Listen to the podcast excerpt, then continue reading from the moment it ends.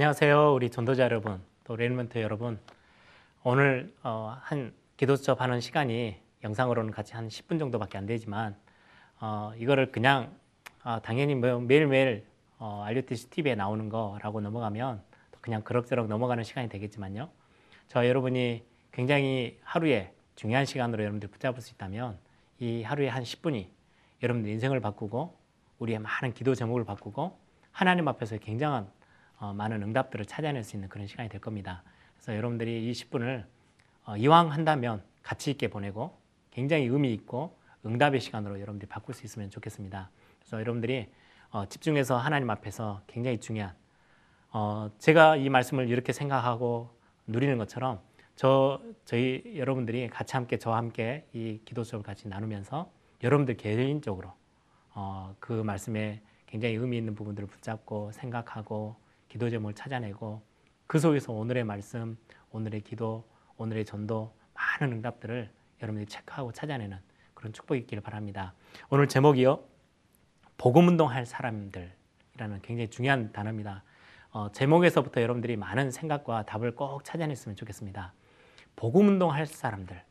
그 말은 거의 대부분 교회 성도들이요. 교회를 다니고 신앙생활 하는데 복음 모르고 다니는 사람이 너무 많습니다. 복음 전혀 모르고요. 또 굉장히 가치, 굉장히 중요한 분 중에 한 분들이 어떤 분이냐. 야, 복음 이거 참 좋은 거구나. 야, 복음 받으니까 내가 너무 좋다. 감사하다. 이렇게 신앙생활 한 분들이 거의 없지만 다행히도 이런 분들이 있어요. 교회 안에서 내가 너무 복음 받은 게 하나님 앞에 감사하고 감격되어지고 그런데 이 복음 안에 감춰져 있는 엄청난 축복 모르고 갈 때가 많아요. 구원 받아놓고 그냥 구원으로 그치지 구원 안에 담겨져 있는 어제 같이 말씀 나눴던 그리스도 안에 엄청난 축복들이 감춰져 있다는 걸 모르고 넘어갈 때가 너무 많아요. 그래서 어떤 좀 이제 그래도 사명자 어, 개념의 사람들은 신앙생활 하면서 복음을 너무 감격하지만 그 속에 그리스도 안에 있는 많은 복음 안에 있는 비밀들 누리면서 더 깊은 신앙의 고백들을 찾아내는 분들이 있겠죠. 그런데 더 중요한 게 있습니다. 하나님은 오늘 또 누구를 찾고 계시느냐? 복음 알고 있는 사람을 찾고 계시지만 더 중요한 거는요. 이 복음이 너무 귀한 거, 이 복음이 너무나도 불신자들에게 필요한 걸 알고 나 혼자만이 아니고 이 복음을 같이 함께 누리기 위해서 복음 필요한 사람들 내가 오늘도 만나기를 원한다. 이 복음 때문에 내 생을 드리기를 원한다. 복음 운동할 사람을 하나님 찾고 계셔요. 전도 운동할 사람은. 그게 어떻게 보면 더 중요한 신앙생활의 열쇠입니다. 이 부분까지 헌신되어 있는 사람 거의 없거든요. 저와 여러분을 전도자로 불렀다. 내가 세계보마의 대열에 전도자의 대열에 서 있다. 이거는 엄청난 한 시대에 우리가 붙잡을까 말까 할 만큼 귀한 축복입니다. 저와 여러분 이 속에 담겨져 있다는 것은 너무 큰 축복이죠. 이 본문 안에서 오늘 그런 어떤 응답들을 여러분들이 꼭 찾아내는 그런 축복이 있기를 바랍니다. 오늘 본문은 사도행전 1장 3절에서 8절 말씀입니다.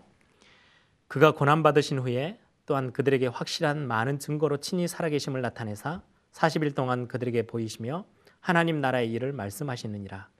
사도와 함께 모이사 그들에게 분부하여 이르시되 예루살렘을 떠나지 말고 내게서 들은 바 아버지께서 약속하신 것을 기다리라. 요한은 물로 세례를 베풀었으나 너희는 몇 날이 못 되어 성령으로 세례를 받으리라 하셨느니라. 그들이 모였을 때에 예수께 여짜와 이르되 주께서 이스라엘 나라를 회복하심이 이때니까 하니 이르시되 때와 시기는 아버지께서 자기의 권한에 두셨으니 너희가 알 바 아니요 오직 성령이 너희에게 임하시면 너희가 권능을 받고 예루살렘과 온 유대와 사마리아와 땅 끝까지 이르러 내 증인이 되리라 하시니라. 아멘. 오늘 본문은 우리가 응답받을 굉장히 중요한 본문이죠. 오늘 선호를 같이 함께 보겠습니다. 초대교회는 주변의 오해나 비난, 핍박 속에서도 끝까지 복음 운동을 했습니다. 복음을 알고 있었다가 아니고요. 복음 운동을 했어요. 복음 전할 수 있는 전도 운동 속에. 세력이 막강한 바리새인은 연약하고 무식해 보이는 초대교회가 아무것도 할 수 없을 줄 알았습니다. 이게 착각이었죠.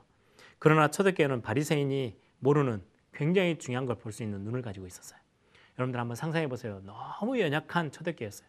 그런데 그 당시에 가장 최고의 문화 가지고 있었던 게 헬라 문화입니다. 이 헬라 문화도 초대교회를 없애지 못했어요. 어마어마한 정치적인 배경과 힘이 있었던 로마 그것 가지고도 초대교회를 꺾지 못했어요. 여러분들 종교라는 거는요 어마어마한 힘이 있습니다. 엄청난 종교적인 힘을 가지고 있었던 유대교 이 바리새인들이 주축이 되었죠. 절대로 흔들지도 못했어요. 초대교회는요, 이 모든 것을 다 넘어서서 그 당시에 가장 최고의 문화, 헬라 문화, 로마의 정치, 유대의 종교 세력들을 이겨내고 세계복음화했죠. 어떻게 그렇게 할 수 있었습니까? 초대교회가 가지고 있었던 굉장히 중요한 부분이 있어요. 오늘 여러분들이 어, 저와 여러분 이유를 붙잡고 우리가 승리해야 되겠습니다. 첫 번째입니다. 초대교회 눈입니다. 초대교회는 바리새인들이 상상하지도 못할 중요한 사실을 보았는데요. 그 첫 번째가 이건 아무도 빼앗아갈 수도 없고 아무도 이거를 쉽게 알 수 없었던 비밀입니다. 예수가 그리스도다. 모든 문제를 해결하셨다. 그분이 이 사실을 초대교회는 분명히 알고 있었죠. 이 사실이 믿어지는 순간 모든 흑암 세력들은 다 무너집니다. 지금 문제 앞에서 눈앞에 수많은 문제가 보여도 예수님께서 이 모든 문제를 해결하셨다는 사실만 붙잡으면 흑암 세력은요 절대로 절대로 힘을 쓰지 못해요. 여러분들 이 말이 그냥 말인 것처럼 보입니까? 영적인 사실은요 어마어마한 축복이 담겨져 있습니다. 예수가 그리스도 맞구나. 내 모든 문제는 그 앞에서 다 끝났다라는 여러분들의 믿음의 고백 하나가 여러분들 주변에 탁 진을 치고 있는 흑암 세력이 싹 다 무너져 버리는 최고의 축복의 시간입니다. 이거를 초대교회가 알고 있었던 거죠. 두 번째입니다. 하나님의 나라를 보았어요.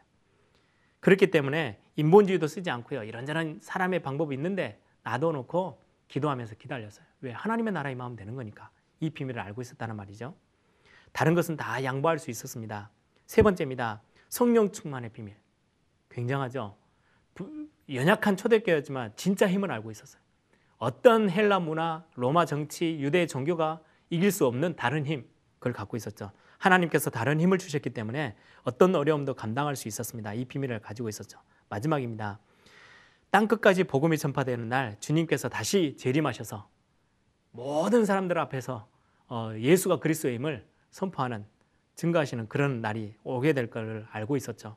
이 언약을 붙잡은 초대교회는요 모여서 기도했고 결국 모든 환란을 다 뛰어넘었고 경제 축복까지 다 누릴 수 있었습니다. 오늘도 마찬가지입니다. 우리에게도 돌아오는 축복이죠. 두 번째입니다. 전도의 눈. 초대교회는 전도 현장을 볼 수 있었습니다. 지역 전체가 무당에 잡혀 있는 현장, 점술에 붙잡혀 있는 현장, 또 우상에게 완전 사로잡혀서 거기에 완전 다고 있는 현장, 이걸 다 보았죠. 초대교회는 전도에 대한 답을 가지고 있었습니다. 그냥 복음이 좋다가 아니고요. 이 현장을 너무 알고 있기 때문에 우리는 복음 운동할 수밖에 없어. 우리는 말씀 가지고 현장을 가야 돼. 여기에 대한 불타면 불타는 사명이 있었죠. 이게 바로 전도입니다. 전도 현장에 나가기 전에 성령 인도를 받으려고 간절히 기도하는 중에 하나님의 은혜도 받고 준비된 제자들도 만나게 됐던 게 바로 어, 초대교회의 삶이었죠. 저는 렘런트들에게요 어, 부족한 소견이지만 제 개인적으로는요 막 밖에 막 돌아다니며 전도하려고 몸부림치는 걸 저는 조금 어, 많이 걱정을 합니다. 어, 렘런트에게 전도는 그렇게 이해되면 안 되거든요. 그러나 그렇게 밖에 나가서 전도 현장을 봐야 될 반드시 분명한 필요는 있습니다. 왜요? 전도 현장을 눈으로 볼 수 있어야 돼요. 이걸 보지 못하면 이 말은요. 전도 막 밖에 나가 돌아다니면서 해라. 이 말을 하고 다른 말이죠. 전도 현장을 필요에 따라서요. 진짜로 다니면서 볼 필요는 있어요. 렘멘트들에게 아주 중요한 전도 현장을 보여주는 것은 진짜 복음 운동을 내가 왜 해야 되지? 알게 되는 굉장히 중요한 답이죠. 세상을 보는 눈을 또 초대교회는 가지고 있었습니다. 우리도 초대교회처럼 황금어장, 사각지대, 재앙지대를 살릴 답을 가지고 세상으로 나가야 합니다. 우리 렘런트들이 반드시 가지고 있어야 될 답이죠. 이때부터 가는 곳마다 하나님께서 숨겨주신 제자들을 찾게 되고요. 또한 문화가 정복되어지고 곳곳에서 경제가 다 살아날 만큼 하나님은 응답을 주십니다. 이때 중직자를 왜 세워야 되는지, RUTC가 우리 가운데 왜 세워져야 하는지, 지역 지역에 말씀 운동할 지교회가 얼마나 중요한지 알게 되는 거죠. 모두 전도 운동의 미래를 다 준비하기 위한 어, 그런 굉장히 중요한 발판들이죠. 우리가 복음 운동할 사람이 맞다면 모든 불신앙을 버리고 지극히 선한 것을 분별할 수 있도록 우리는 기도해야 되겠습니다. 저와 여러분이 복음이 너무 좋구나 이 수준에 머물지 않고요. 더 나가서 야 복음 안에는 어마어마한 비밀들이 있구나. 더 나가서 복음 운동할 사람으로 세워지는 그런 축복의 날이 되기를 바랍니다. 오늘 포럼의 주제입니다. 복음을 가졌다면 지금 이 시간 초대교회가 붙잡았던 언약을 붙잡고 전도 현장과 세상을 보며 기도를 시작하는 그런 날이 되었으면 좋겠습니다. 또한 복음을 위해 내가 어떻게 헌신할 것인지 한번 묵상해 보세요. 나는 전도 운동을 위해서 복음 운동을 위해서 어떤 모습으로 나는 헌신하면 될까? 나는 RUTC가 세워진다면 어떻게 헌신하면 될까?